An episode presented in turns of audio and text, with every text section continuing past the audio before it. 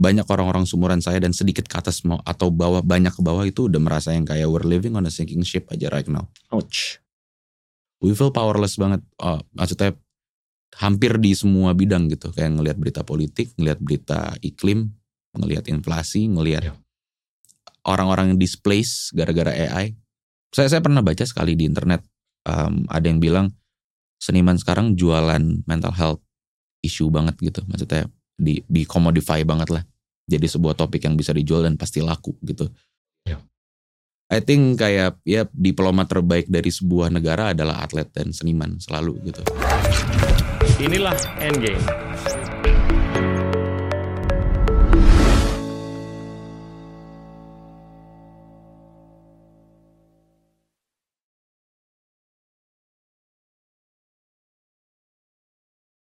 Halo teman-teman, hari ini kita kedatangan Baskara Putra, seorang musisi keren banget. Bas, to be here, Pak. saya, ini akal-akalan tim media saya gitu ya masih bisa link apa-apa kita nggak pernah kepikiran. it's it's a pleasure and an honor. Saya mau dengerin cerita Anda. Dari kecil tuh gimana sih? Anda tuh Oke. kalau saya baca biodatanya kayaknya anak sekolahan banget, tapi kok pivot Ya ya. jadi artis atau musisi. Iya. Silakan.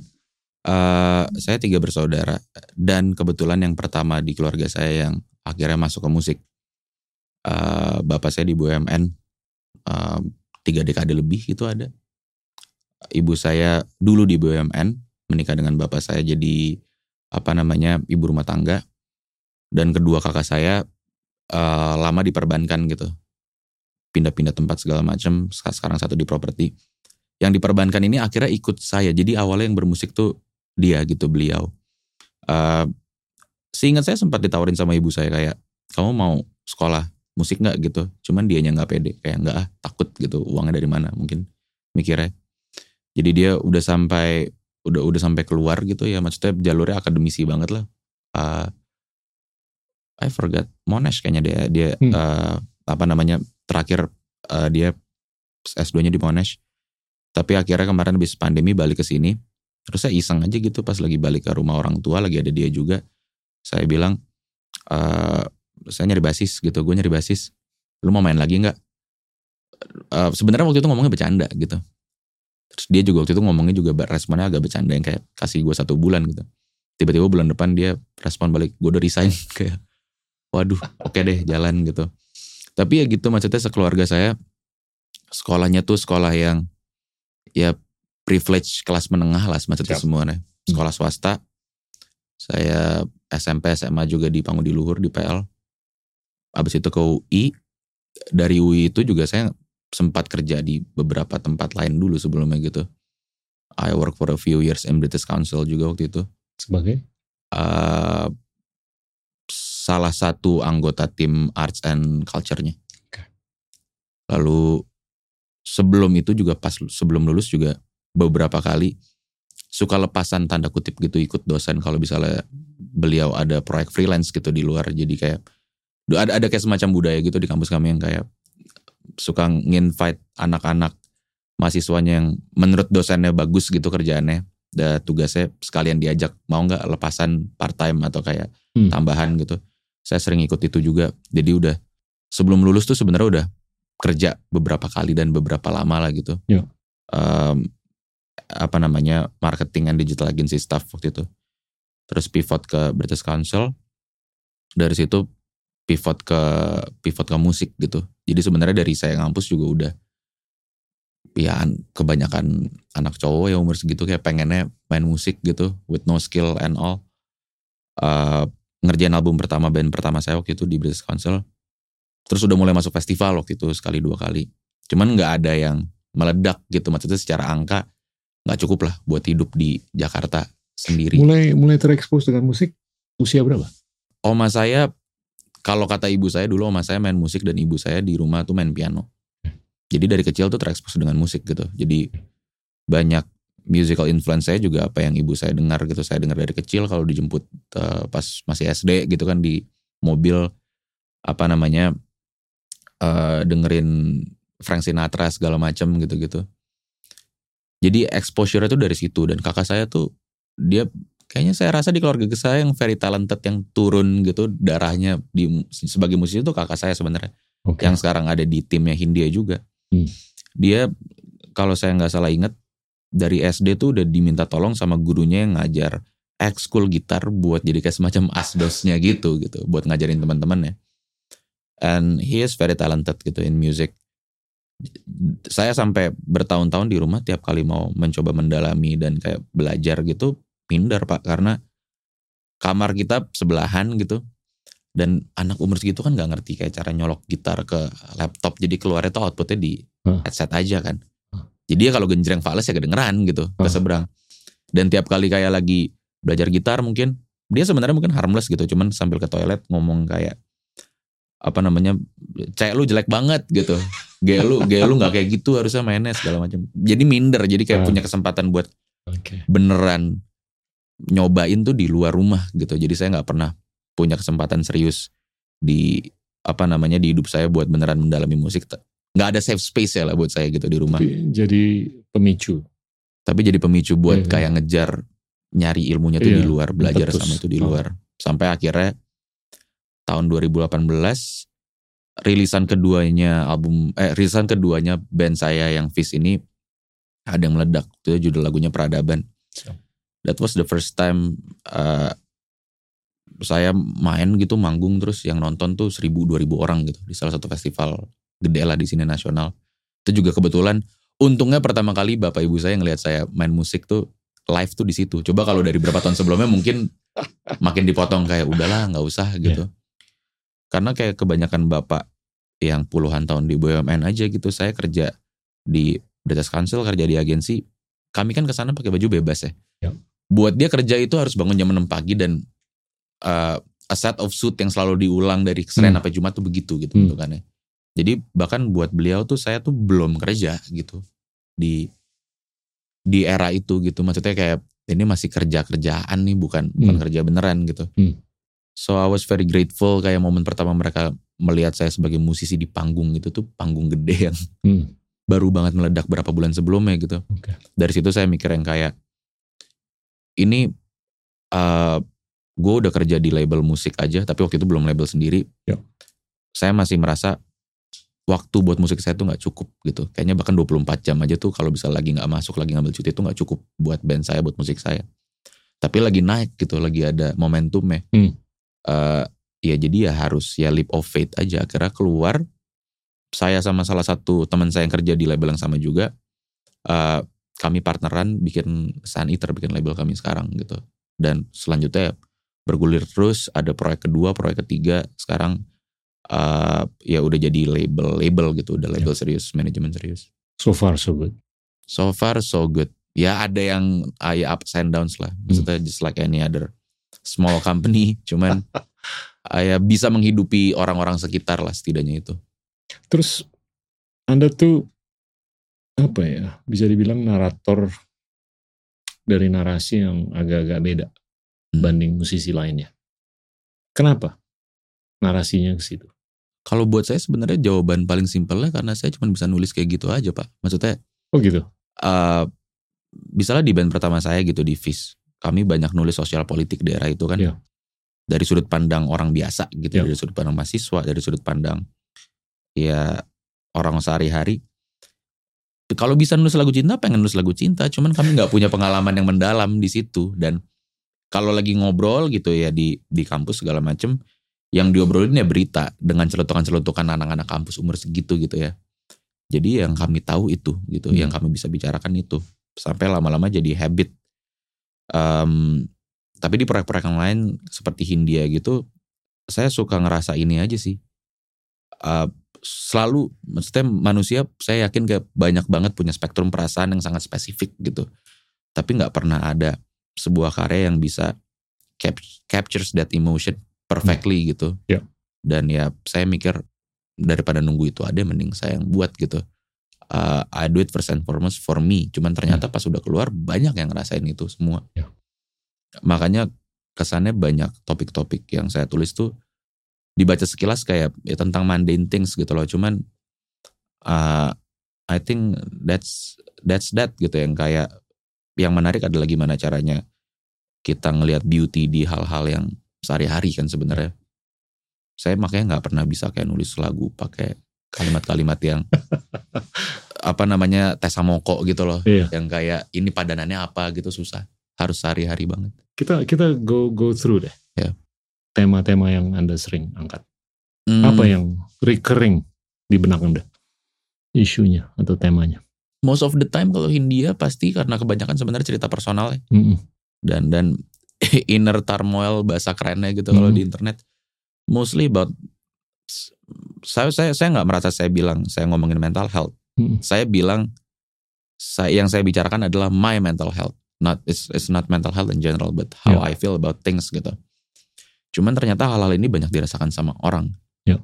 Uh, di album pertama banyak banget spesifik gitu apa namanya ya memang cerita pribadi saya fokus banget kayak ngomongin uh, apa namanya segala macam ups and downs jadi young adult gitu living in a big city di Indonesia segala macam dengan segala macam konflik kecil-kecilnya gitu perihal kayak aduh pengen resign cuman gue nggak tahu kapan gitu.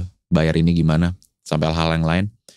Dan di album kedua di saat kayak saya masih ke- kembali lagi ke apa namanya psikolog saya dan masih tanda kutip belum stabil gitu belum sembuh saya mulai step back yang kayak berarti ada ada akarnya yang belum belum selesai di address gitu. Dan ternyata pas saya mundur ke belakang eh, banyak banget keadaan sekarang mungkin gitu yang secara makro mempengaruhi mental state. Nggak mungkin nggak cuma saya cuman orang-orang sumuran saya gitu loh. Yeah. and I think I need to address that at least in my from my personal point of view gitu. Hmm.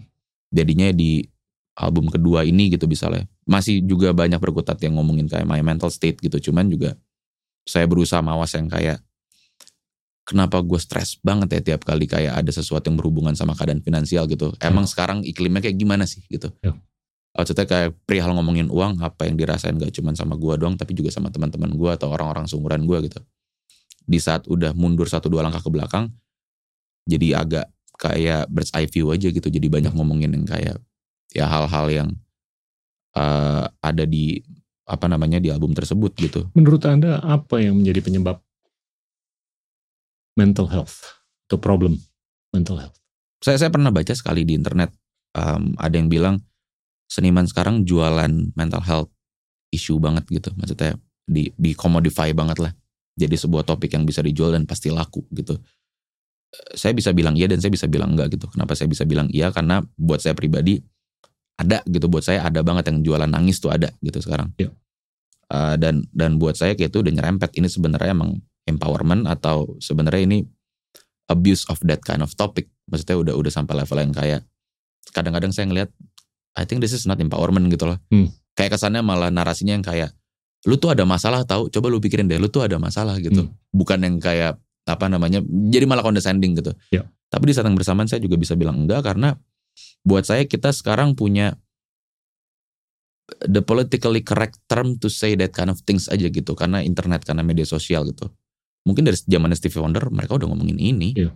tapi zaman dulu belum ada label oh ini ngomongin mental health gitu. Iya. tapi berapa tahun terakhir ada judulnya pak. Kayak judulnya topik-topik ter apa namanya seperti ini adalah ya topik-topik mental health gitu. Maksudnya uh, ngomongin deterioratingnya mental health ya seseorang atau apa segala macam cuman saya rasa itu udah jadi hal yang diomongin dari dulu sih sebenarnya Ini ini kan cukup empiris ya. Iya. Dulu tuh kalau mungkin 10 sampai 20 tahun yang lalu kalau kita tanya penyakit apa yang paling banyak dialami, Hmm. ditakuti. Itu kan kalau nggak kanker, serangan jantung, Hmm. itu mungkin diabetes. Iya. Cardiovascular. Tapi sekarang tuh kalau kita baca laporan-laporan dari Surgeon General di beberapa negara maju, justru depresi, anxiety, bahkan suicide. Hmm. Ini kan bungkusan-bungkusan kecil dari bungkusan besar yang disebut sebagai mental health. Hmm. Ini bisa dibilang disease atau penyakit. Tapi apakah ini merupakan symptoms dari sesuatu yang lebih struktural? Yang mungkin saja yang merupakan penyakit yang sebenarnya.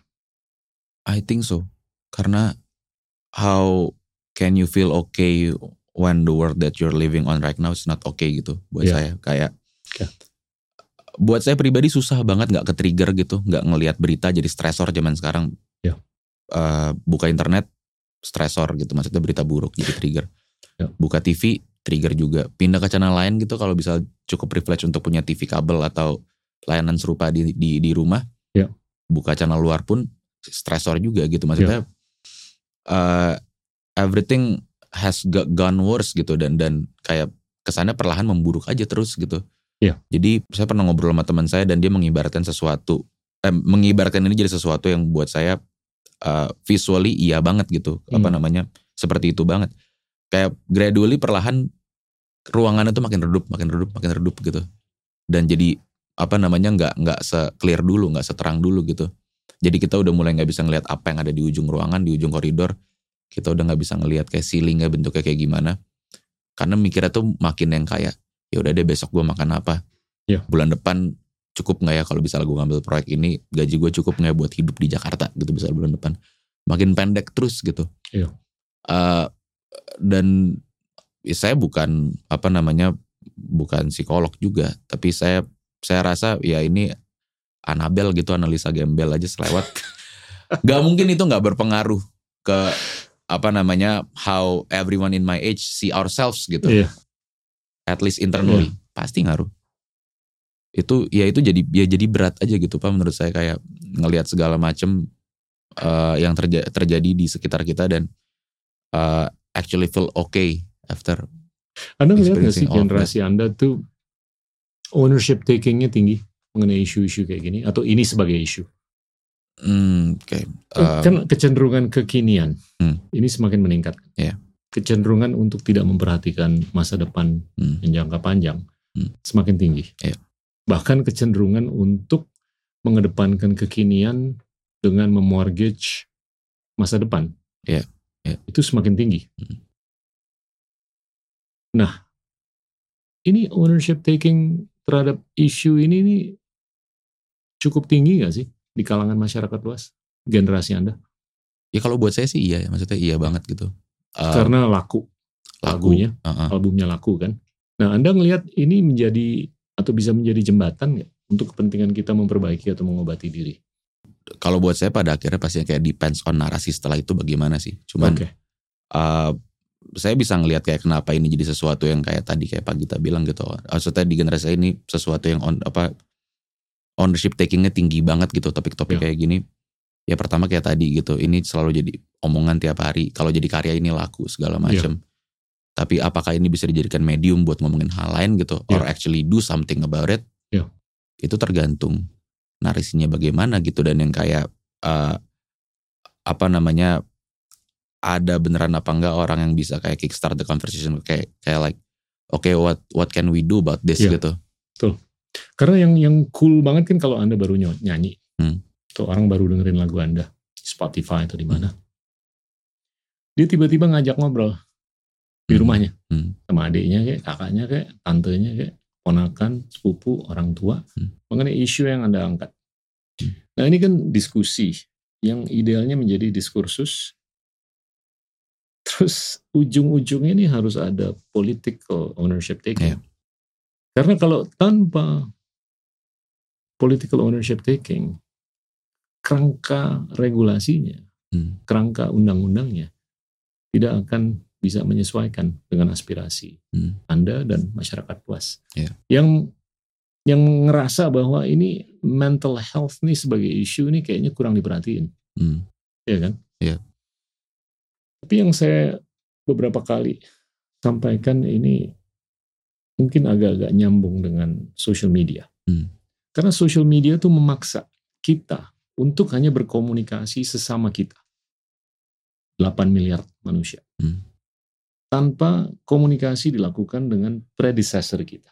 Hmm. Yang sudah meninggal selama ini sejumlah kurang lebih 107 miliar. Hmm. Ini sering kali saya sebut namanya sejarah. Hmm. Nah, kita tuh kayak kurang paham dan belajar Hmm. dari sejarah. Karena sejarah tuh menyajikan banyak sekali pelajaran. Iya. Ya kan? Plusnya dan minusnya. Untuk kita bisa hidup lebih bijaksana. Nah saya ngerasa ini agak-agak spekulatif, saya ngerasa dengan defisiensi pemahaman mengenai sejarah, ini bisa nyambung dengan unsur gimana kita lebih mengedepankan kekinian yang bikin kita mungkin kurang bijaksana mengenai masa depan. Hmm.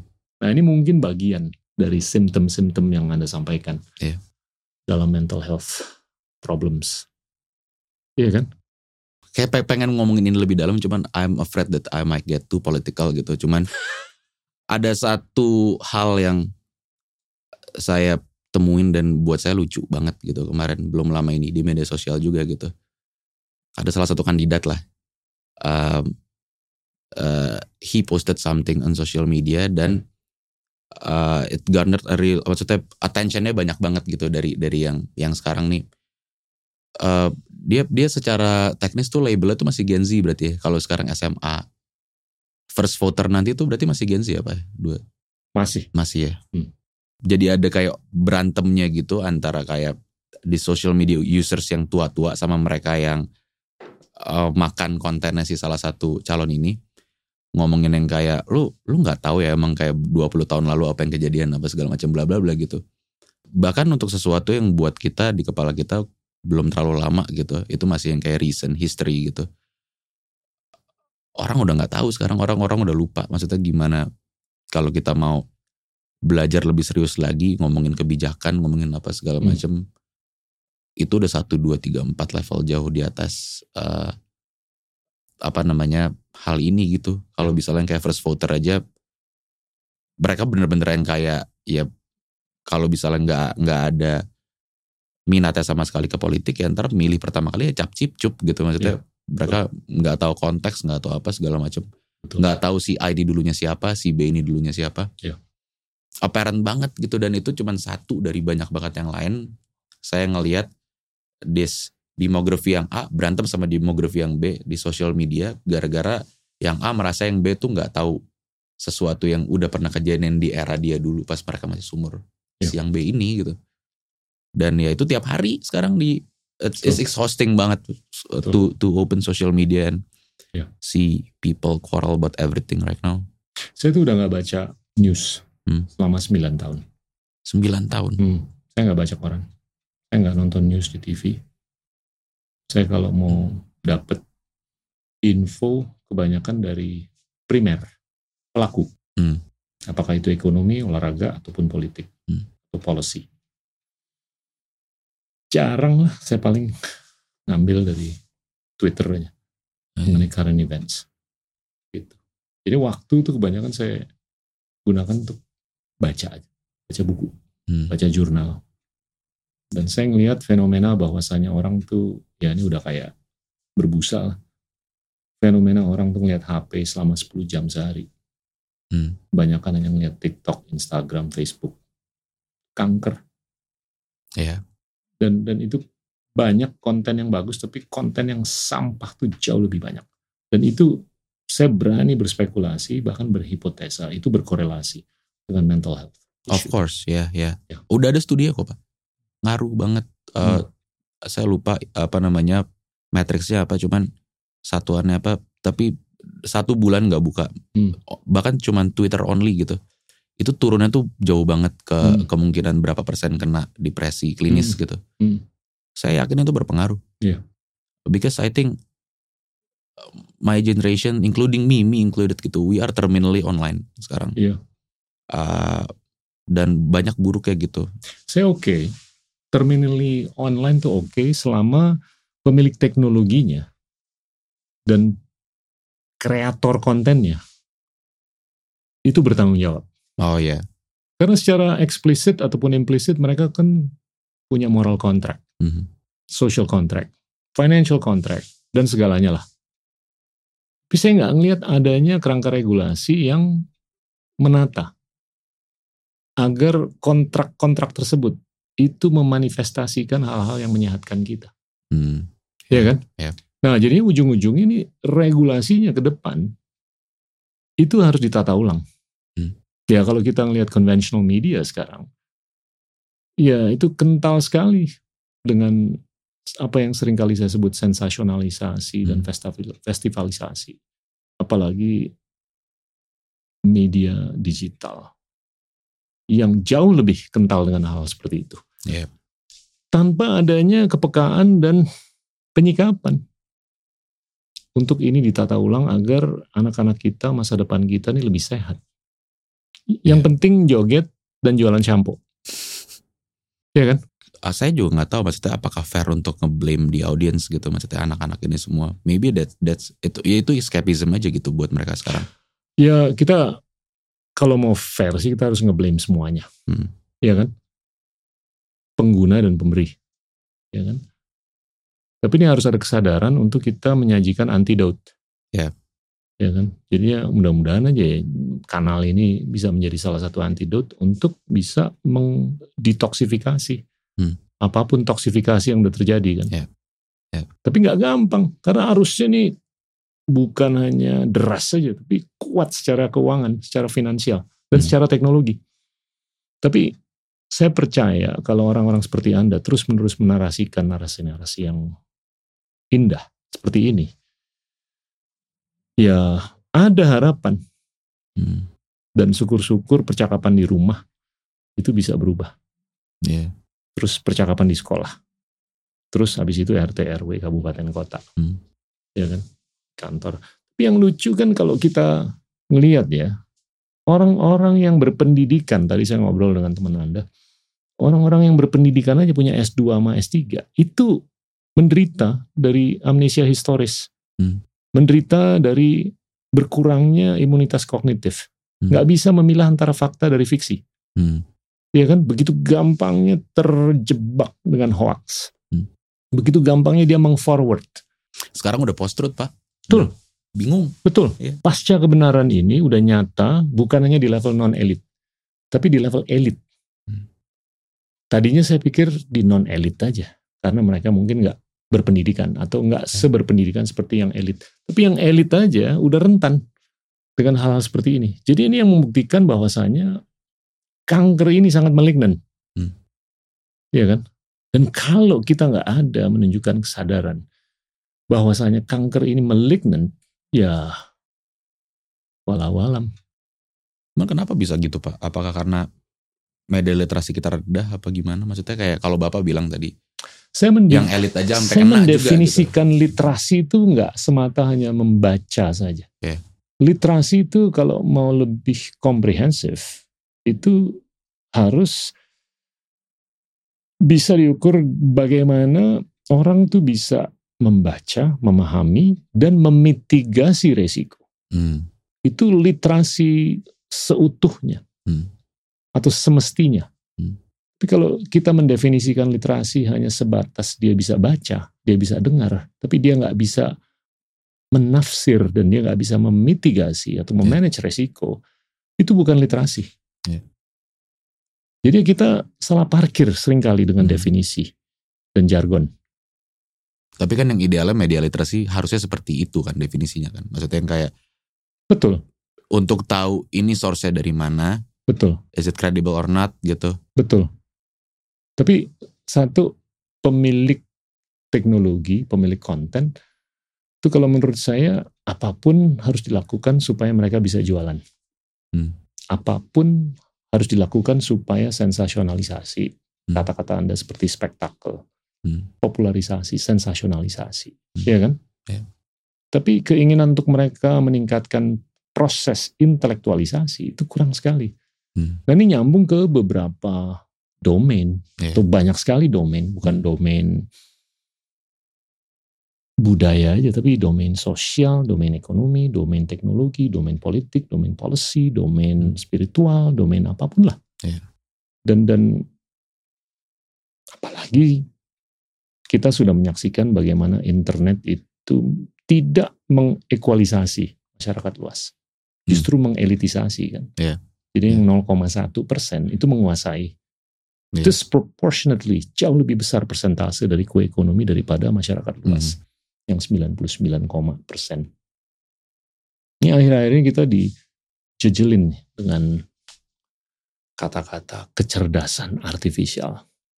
Itu aja debatnya di beberapa bidang nggak selesai-selesai gitu sekarang. Iya, Em, saya rasa ini pandangan pribadi saya. Barusan gitu hal-hal yang kita obrolin masih belum banyak um, mitigasinya yang baik. Gimana caranya kayak apa namanya bisa bisa menciptakan kayak lingkungan atau iklim uh, let's say internet atau media sosial yang lebih sehat, memperkenalkan artificial intelligence ini sekarang ke publik aja udah terlalu cepat gitu buat Yeah. saya. Yang kayak itu jadi masalahnya banyak banget. Eh komunitas visual gitu misalnya lagi ribut-ributnya sekarang. Em, salah satu studio gede lah kemarin ngeluarin episode pertama one of their eh, apa namanya anticipated series gitu Hmm. untuk untuk bulan untuk bulan ini. Tadinya tuh responnya bagus banget. Tiba-tiba yang kayak di bahasa bahasa anak muda sekarang di cancel habis-habisan gara-gara opening sequence-nya pakai AI. Em, cuman buat saya pribadi sebenarnya kontekstual dengan premis dari cerita yang mau diomongin gitu. Tapi at this point argumennya gitu di internet dan echo chamber banget kan eh, apa namanya internet itu. Ya seniman-seniman di luar sana gitu yang bahkan udah bisa dianggap kayak opinion leader aja udah sampai bilang kayak gue nggak peduli argumen lo apa, you're using this technology and it's wrong gitu. Because uh, the idea platform ini, alat ini ditrain untuk tanda kutip ngambil barang-barang yang tidak dia miliki seharusnya gitu. Tapi who knows, orang nggak nggak pernah didisclose kan kayak ini engine-nya apa. Emang lu tahu kayak dia apa namanya melakukan stable diffusion ini sumbernya dari apa namanya Arthur Casey apa segala macam itu nggak kita nggak pernah tahu gitu. Cuman sekarang ya ya an- menurut saya kadang-kadang kayak ngeliat pembicaraan di internet tuh udah binary aja gitu loh satu sama nol nggak ada tengah-tengahnya gitu. Betul. Jadi capek banget. Saya saya masih agak distopian Hmm. mengenai kecerdasan artifisial. Saya ngelihat mungkin benefitnya banyak. Tapi ini sangat dislocating, bukan hanya disruptif. Hmm. Dan dislocating terhadap banyak hal, bukan hanya banyak orang. Hmm. Yang yang saya ngelihat ini sebagai problem yang sangat struktural adalah kepentingan pemilik teknologi Hmm. yang begitu gegabahnya sehingga mereka tuh tidak memultidisiplinerkan Mhm. diskusi dan diskursus ini. Karena mereka ngerasa yang paling pinter. Emang mereka pinter banget. Mereka cuek banget sama ahli budaya, Hmm. ahli sosial, ahli lingkungan, ahli ekonomi, ahli spiritual, ahli filsafat. Hmm. Dan kita udah melihat bahwa AI ini proses halusinasi kan. Yang sangat tergantung dengan hipnosis yang harus diberikan Hmm. oleh pengguna. Tapi kalau penggunanya ini, mohon maaf, agak-agak unik moralitasnya, Hmm. agak-agak unik hatinya, agak-agak unik apa pun lah. Hipnosisnya ini salah parkir kan, Hmm. sehingga halusinasi berikutnya akan salah parkir. Hmm. Ini bisa malignant Hmm. penyakit ini, yang pasti melain Hmm. karena yang memberikan hipnosis ini unik. Hmm. Ya kalau yang memberikan hipnosis ini bijaksana, karena dia sudah memultidisiplinerkan, ada harapan untuk ini menuju utopia. Iya. Bahaya loh. Dan tadi saya udah bilang internet sudah mengelitisasi. AI ini akan lebih memperkeruh elitisasi yang sudah kita lihat selama 30 tahun terakhir. Ini ini empiris. Kalau kita lihat Gini coefficient ratio, Hmm. kesenjangan ekonomi di negara maju, berkembang dan miskin, udah mencuat ke atas. Hmm. Nggak ada perkecualian yang mana itu stabil di bawah Hmm. senjangannya. Jadinya ya balik lagi. Gimana nih supaya anak-anak muda dengerin lagu Anda? Mereka beraksi, Iya, iya, iya. Iya kan? Iya. Karena ujung-ujungnya ya end game-nya kalau bisa setelah mereka dengerin lagu Anda, mereka ngambil sikap untuk sambil ngopi, ngobrol. Terus berdiskursus. Iya. Habis berdiskursus tanpa adanya political ownership taking, susah. Hmm. Karena nanti yang mengambil sikap policy dan politik itu adalah orang-orang yang nggak memahami Hmm. isu-isu yang relevan untuk masa depan jangka panjang. susah juga karena uh, banyak orang-orang sumuran saya dan sedikit ke atas mau atau bawah banyak ke bawah itu udah merasa yang kayak we're living on a sinking ship aja right now. Ouch. Uh, we feel powerless banget gitu ngelihat keadaan politik sekarang, keadaan iklim sekarang.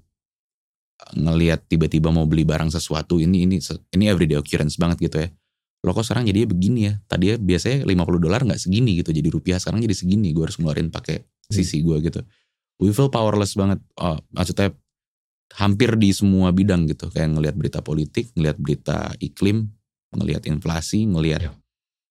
orang-orang yang displace gara-gara AI we feel re- really powerless about that. Ya. idealnya memang kayak setelah apa namanya tanda kutip baranya kebakar lah gitu. Karena karena karena kesenian dia jadi nggak nggak cuma dipikirin ada yang kayak oke what can we do about this? gitu. Uh, what do we want to talk about lebih panjang lagi what can we do about this? Terus gimana cara ngumpulin like minded people gitu. Cuman kadang-kadang tuh udah berhenti sampai di situ aja gitu yang kayak iya bener nih uh, apa yang gue lihat di film ini apa yang gue baca di buku ini apa yang gue dengar di lagu ini benar gue sangat berpikir dan sangat merasa seperti itu. That's that gitu. Hmm. karena sekarang kayak shoreline-nya ujung pantainya udah nggak kelihatan ujung pesisirnya udah nggak kelihatan. Kapalnya udah nggak begini kapalnya begini gitu sekarang rasanya so I think it's very uh, understandable for me personally kayak ngelihat orang-orang ini sekarang ngelihat generasi saya secara umum Hmm. depresif banget gitu Ya. maksudnya outlooknya ya Anda nggak ngelihat 2045 tuh penuh dengan sinar dan cahaya. nggak banget maksudnya uh, every now and then masih diingetin gitu kayak Jakarta still the fastest sinking city in the world gitu kita udah lupa. Enam bulan kemudian keluar lagi artikel kayak gitu lagi dari media gede lagi. Hmm. terus kayak dua bulan kemudian kita ngeliat apa gitu di berita politik gitu. Tiga bulan kemudian ngeliat apa it's, it's very hard untuk bisa yang kayak oke nih kayaknya bisa ada perubahan gitu. At least zaman dulu kan pikiran naifnya yang kayak oh mungkin di saat orang-orang sumuran gue sudah sampai di level pemang, apa namanya bisa menjadi pemangku kebijakan Hmm. we can do something about that gitu cuman ternyata orang-orang sumuran saya yang sudah mulai masuk ke sistemnya jadi orang yang mereka benci dulu juga gitu kadang-kadang kami melihatnya Hmm. ngeliat ketua BEM yang dulu kayak dielu-elukan gitu di kampus tiba-tiba ngomong apa di internet dan tiba-tiba jadi kayak gimana sekarang nggak heran gitu maksudnya yang kayak nggak ada yang masih punya positive outlook on ya semuanya gitu Hmm. Indonesia in general sih tapi Tema yang Anda sering angkat tuh social justice. Hmm. Elaborasi deh. awalnya dulu begitu ya maksudnya masih ada semangat naifnya lah yang kayak we can do something about this at least if we cannot do something about this we want to let more and more people know that this problem persists gitu Eh, saya sering melakukan itu di lagu-lagu saya terutama di Fish gitu di di di band saya cuman ya gitu juga sama lama-lama worn out juga lama-lama capek juga gitu. Ada satu momen di mana kami ber apa namanya waktu itu masih berlima ngumpul di rumah saya malam-malam ya. Just over drinks gitu tengah malam keluar aja gitu kalimatnya. Capek. Fatik. iya capek banget. Terus yang kayak ya udah semuanya ngeluh aja di situ nggak berapa lama kemudian ngumpul lagi tanpa ada agenda yang sangat spesifik juga keluar kalimat kedua yang kayak gue udah nggak mau ngomongin ini lagi gue udah capek gitu. Hmm. Um, doesn't change anything will never change anything. Semoga kami salah gitu. Cuman uh, levelnya tuh udah udah di titik itu gitu. Rasanya sekarang yang kayak capek aja. Nah, nothing changes gitu maksudnya. Pertama gue bilang Bangsa tuh dan negara tuh bisa maju kalau di mana pun ya. Kalau keseimbangan antara state dengan society hmm, itu terjadi. Iya. Yang saya dengar dari Anda nih kayaknya nggak terlalu seimbang. oh sangat tidak seimbang gitu Iya kan? rasanya sekarang Dan salah satu hal yang bisa menyeimbangkan atau meningkatkan keseimbangan itu adalah penegakan hukum. Hmm. Saya sangat percaya bahwa semakin hukum itu tegak, semakin kita bisa berdemokrasi. karena yakin kan kayak. Sejauh apa gue bisa ngomong Betul. sedikit apa gue gue masih bisa apalah segala macam gitu at this point kami nggak tahu pak yang kayak ini ngomong ini salah apa enggak Iya. gitu karena pernah ada yang ngomong kayak gitu dan nggak apa-apa Iya. tapi ada juga yang pernah ngomong hal yang sama tapi kenapa-napa gitu jadi maksudnya itu satu dari banyak eh, bidang yang lain kalau Iya. misalnya kita ngomongin kayak uh, public speech gitu kalau Iya. kita ngomongin kayak opini di publik. Iya. Tapi yang ya maksudnya belum belum lagi di di contoh-contoh lain gitu di bidang-bidang lain. Iya. Saya eh, sangat ngerasa kayak hidup di sini nih modern ini sekarang semuanya terus ditebak gitu loh. Kayak Iya. garisnya tuh di mana. Iya. Nggak ya nggak jelas aja blur aja gitu ada kabutnya. Iya. Jadi ya ya benar kata Pak Gita tadi yang kayak karena kami nggak tahu sampai batas apa sejauh apa gitu penegakan Iya. hukumnya. Jadi mau gerak juga bingung kan. Maksudnya Betul. kayak ibaratnya pelari terus dia nggak tahu tracknya tuh di mana. Ini gue Betul. belok apa enggak sih? Ini boleh Betul. di atas 80 nggak ngebutnya gitu. Kita nggak Betul. pernah tahu. Jadi kekhawatiran mengenai apakah hukum ini tegak atau tidak, Hmm. itu yang menyebabkan keolengan atau ketidakseimbangan Hmm, ya. antara state dengan society dan ini termanifestasi dalam mungkin tidak adanya keadilan Hmm. untuk kepentingan sosial, ekonomi, budaya, lingkungan, teknologi, dan lain-lain. Iya. Iya kan? Iya. Yang pasti ekonomi. Hmm. Ekonomi ini bisa diukur dari penanaman modal. Hmm. Modal yang masuk ke sini Hmm. kalah jauh dengan modal yang masuk ke Singapura. Iya. Per orangnya dan secara total. Hmm. Modal masuk ke Singapura jauh lebih banyak per orang dan secara total. Karena orang tuh tahu Singapura tuh lebih bisa dipercaya Hmm. daripada Malaysia, Thailand, Vietnam, Filipina, Indonesia, Hmm. dan lain-lain. Jelas. Karena penegakan hukumnya jelas. Hmm. Nah kalau nggak ada kepastian mengenai ekonomi ke depan, lebih sulit untuk mencari kepastian terkait dengan budaya, sosial, Hmm. lingkungan, teknologi, dan lain-lain. Iya kan? Hmm. Nah, saya mau tanya nih. Apa menurut Anda yang bisa dilakukan untuk mengobati kejenuhan Anda? Fatigue yang dirasakan oleh anak-anak muda. Karena gini loh, kalau Anda meng- mengangkat isu-isu dalam lagu, tapi lagi ngobrol sambil ngopi aja udah fatigue. Iya.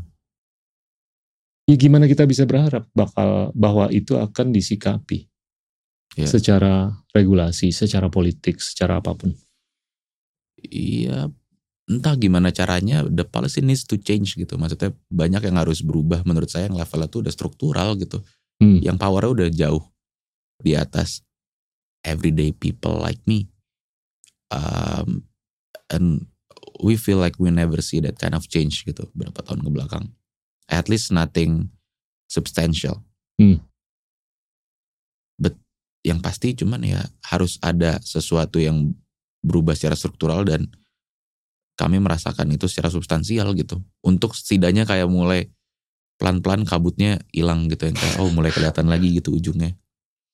Ka- Karena sekarang ya begitu Pak rasanya yang kayak nggak pernah ada yang berubah for the better gitu. Atau mungkin ada cuman tidak dilaksanakan dengan baik gitu. Mungkin mungkin harapannya adalah gimana kita tuh nggak terlalu gampang berfiksi. Hmm. Kita lebih menggunakan fakta daripada fiksi. Gimana kita tuh lebih tidak amnesia terhadap sejarah. Hmm. Gimana kita tuh lebih secara kognitif tuh imun Hmm. terhadap fiksi. Ya. Ya kan? Supaya nanti waktu kita milih, itu yang dipilih benar-benar orang yang bisa menggunakan fakta Hmm. daripada fiksi. Ya. Gimana orang itu bisa lebih menggunakan intelektualisasi Hmm. daripada sensasionalisasi ataupun festivalisasi. Ya. Iya kan? Banyak banget sebenarnya gagasan yang bagus gitu dan kayak tadi Pak Gita bilang juga ada sebenarnya berkeliaran gitu di di di dunia maya. Cuman kan sekarang cluttered ya, maksudnya Hmm. uh, lebih banyak sampah lah dibandingin yang yang ada faedahnya gitu loh Hmm. un- untuk untuk untuk audiens, untuk siapa pun yang konsum itu. Uh, cuman mediumnya tuh kalah gitu. Saya selalu merasa kayak gagasan yang bagus dari orang yang pintar, dari orang yang emang maybe actually credible to talk about something about that gitu. Pengemasannya jelek. Iya. Uh, satu hal yang harus kita akuin Betul. gitu. Kalau tiap kali kita ngomongin kayak clutter di media sosial, ngomongin yang kayak ya ini isinya orang jualan sensasi, orang jualan fiksi gitu di post truth era ini mereka tuh jualannya jago Iya. apa namanya spektakelnya bagus Hmm. uh, I don't think kayak ngebikin sesuatu jadi festif, jadi kayak kesannya jadi spektakel itu juga serta merta hal yang buruk. Itu kan juga cuman tool aja kan, just Yeah. like we talk, just like how we talk about AI gitu. Hmm. Pada akhirnya a gun is never uh, the killer gitu loh. Yeah. Dia cuman dia cuman Betul. alat doang. Jadi ya sebenarnya uh, gimana caranya menciptakan kemasan yang baik untuk gagasan-gagasan yang bagus dan obrol apa namanya topik yang emang sebenarnya harus dilempar ke orang gitu. Tapi lagi-lagi itu masalah yang dari dulu saya ngelihat dan jarang banget ada apa ya bahasanya ada yang bisa mengobati itu dengan baik gitu. Saya Hmm. saya, saya beberapa kali ngelihat dari media luar gitu yang muatannya materinya bagus banget. Sebenarnya kayak nonton video esai yang beneran kayak data itu dari jurnal segala macem Ya. jelas semuanya citationnya jelas rapi. 12 menit nggak kerasa gitu. Kayak nonton acara di apa namanya salah satu OTT aja gitu. Hmm.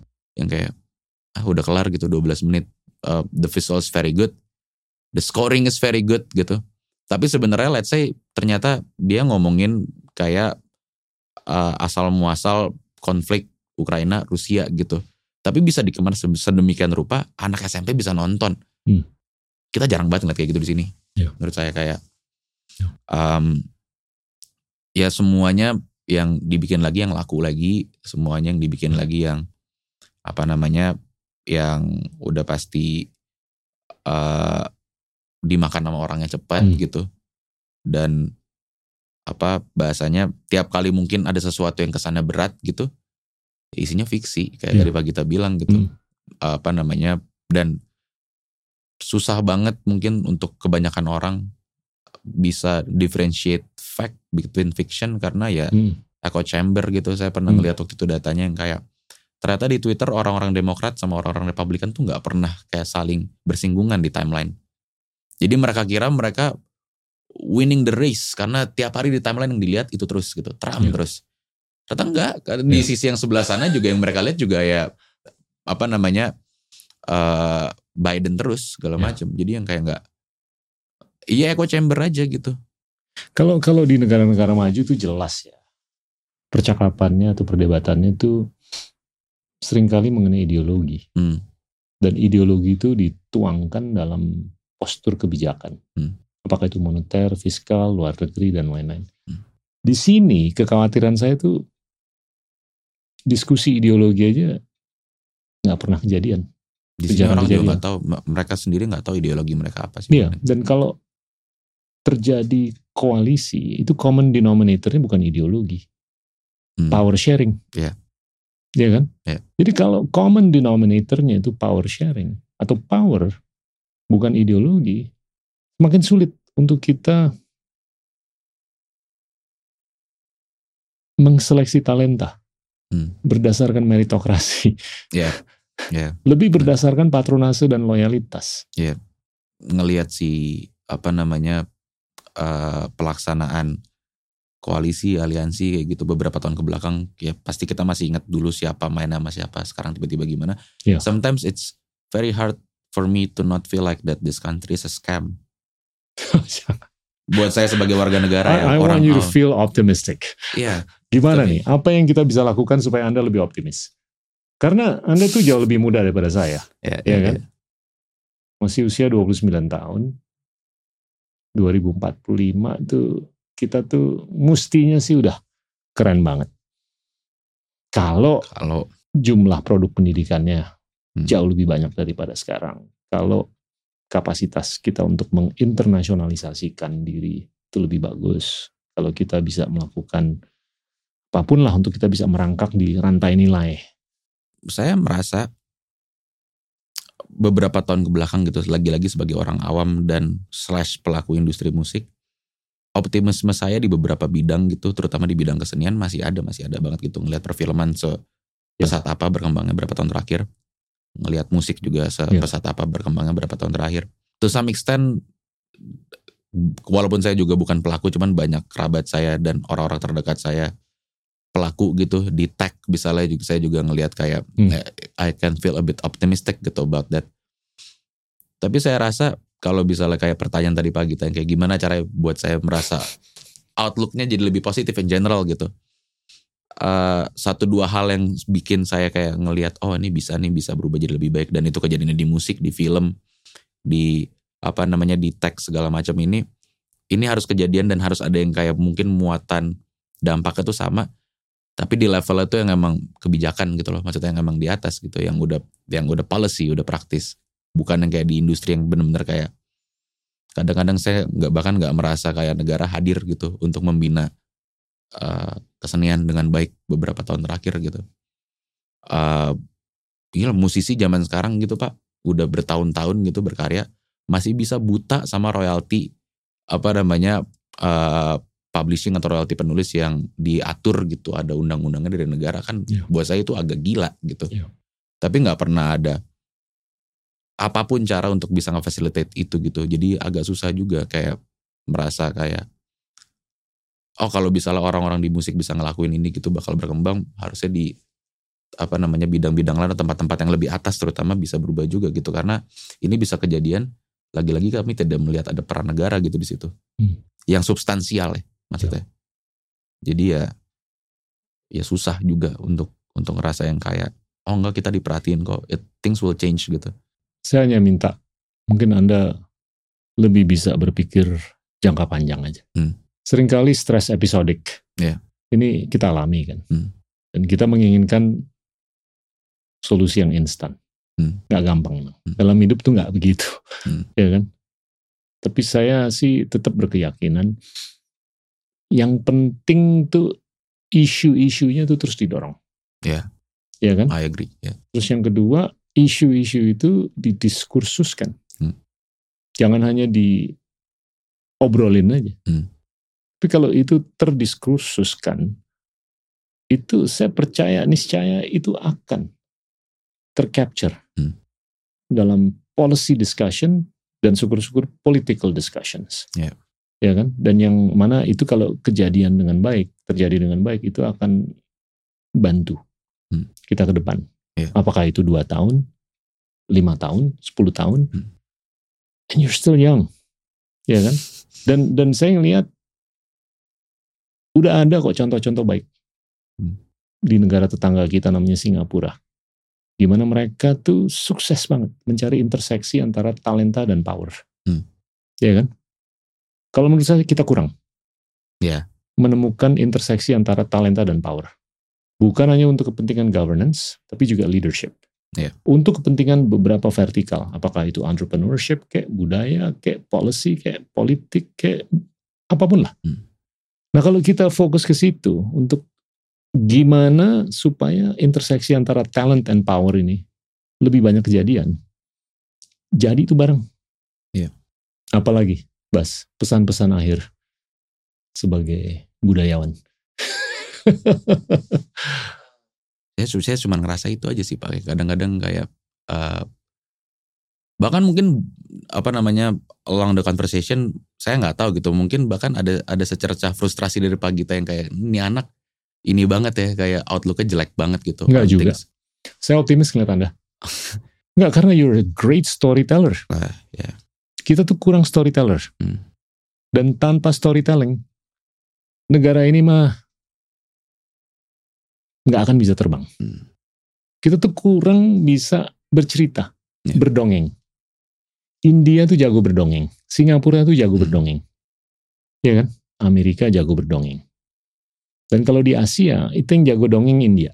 Hmm. Kalau menurut saya nomor dua itu Singapura. Bukan Korea, bukan Jepang, bukan Tiongkok.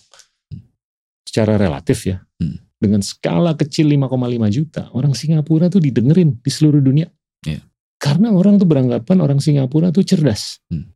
Dan orang Singapura tuh bisa mengartikulasikan kecerdasannya. very true Iya kan? Iya. Tinggal Anda bercerita aja supaya orang tuh kena emosinya dan kena kognisinya. Hmm. Dan apa yang Anda narasikan itu kena Hmm. dengan hati dan kognisi. Iya. Dan saya percaya kemajuan manusia itu hanya bisa kejadian kalau IQ dan EQ-nya digosok. Hmm. That's maybe like the first thing that I have in mind juga pas pertama kali kayak pindah gitu masuk musik. pernah ditanya gitu sama keluarga saya kenapa musik gitu saya bilang karena saya suka cerita di musik saya punya waktu 3 menit bisa cerita 10 tahun it will not happen in films it will not happen in books tapi cuman musik doang bisa punya waktu 5 menit lu bisa tahu cerita orang dari masih kecil sampai meninggal. Dan nggak kepotong ceritanya gitu. Relatively ya, maksudnya yang kayak Hmm. ceritanya lengkap. Eh, ada meritnya menurut saya kayak format atau narasi storytelling dalam musik dan saya nggak tahu gimana gitu. Cuman saya ngerasa sebenarnya kayak banyak ilmu yang saya pelajarin dan dipakai gitu dalam menjalankan musik dan mungkin promosi musiknya itu sebenarnya bisa banyak dicontoh sama muatan cerita lain untuk untuk bisa melakukan storytelling dengan apa namanya lebih efektif gitu. Nggak harus bentuknya musik ya. Cuman buat saya kayak logika-logika yang dipakai oleh big artist zaman sekarang gitu eh, global maupun nasional itu bagus banget dan harusnya dicontoh gitu. Maksudnya kayak lu mau ngomong efektif itu begini harusnya gitu cara itu begini. Ya. orang susah banget ingat kayak politikus dari negara A atau negara negara B gitu. Cuman dia selalu ingat kayak atlet apa namanya atlet NBA dia selalu ingat kayak musisi Korea segala macam. I think kayak ya diplomat terbaik dari sebuah negara adalah atlet dan seniman selalu gitu. Hmm. karena form of uh, form of entertainment aja gitu kadang-kadang. Maksudnya jauh lebih bisa berbicara dengan bahasa yang lebih universal ke semua orang Tapi budaya dan athleticism Hmm. itu tidak akan bisa tereksternalisasi tanpa kekuatan ekonomi. of course itu dia Jadinya fokus ke fulus. Mhm. Jadi cerita Anda ke depan mengenai isu apa pun itu gimana supaya isu-isu yang diangkat itu berkorelasi dengan peningkatan kapasitas orang untuk nyari fulus. Dan nyari fulus seperti tadi yang kita bahas itu akan lebih gampang kalau penegakan hukum. Iya. Itu lebih jelas. Iya. Social justice itu akan lebih terjadi kalau ada penegakan hukum. Demokrasi itu akan lebih jelas kalau ada penegakan hukum. Iya. Sepakat? sepakat sangat you should sepakat be optimistic. Semoga ya ya I am optimistic in eh, maksudnya tergantung hari apa bahasanya hari ini optimistik mungkin besok enggak lusa iya lagi grafiknya nggak harus menurut saya kayak jadi warga negara orang sehari-hari grafiknya nggak harus selalu yang kayak gua cinta Indonesia tiap hari gitu itu itu blind love itu Iya. juga salah gitu buat Iya. saya Iya. Eh, ya you should be critical aja gitu You should think about this. You should be patriotic. Hmm. Tapi patriotisme itu hanya bisa termanifestasi dalam critical thinking. Iya. Jadi semakin orang tuh kritis, itu sebetulnya manifestasi dari patriotismenya dia. Iya. Kalau Hmm. orang itu menyebut dirinya patriot, dia hanya memuji-muji saja, Hmm. tanpa kapasitas untuk berkritik. Itu patriotisme yang salah parkir. Hmm. Ya kan? So you sound critical, but you're actually being patriotic. kayak ya siapa yang nggak mau ngelihat nggak cuman di musik ya gitu apa namanya bisa bisa maju banget dan kayak uh, actually compete with apa namanya uh, the other industry sama neighboring countries kita gitu cuman yang kayak di ya di ba- bangsa ini secara umum aja in general gitu siapa yang nggak mau gitu cuman Ya. I don't think that uh, ya saya rasa kita udah nggak bisa expect lagi yang muda-muda sekarang tuh not be critical gitu. Maksudnya karena udah udah udah udah udah ada yang kena aja gitu sekarang kayak kayaknya nggak gitu deh. Gue ngeliat negara udah nggak kayak gitu gitu. Tapi ya itu maksudnya yang kayak in the long run saya juga pengennya ngeliat semuanya maju gitu. Maksudnya di di musik juga banyak yang harus masih dibenahi gitu. Apa pun nggak akan maju tanpa critical thinking. Ya. Itu aja pesan saya. I agree Keep at it, man. Don't give up. amin Thank you loh, Bas. terima kasih pak it's an honor It's been cool. Teman-teman, itulah Baskara Putra, musisi keren dari Indonesia. Terima kasih. Inilah Endgame.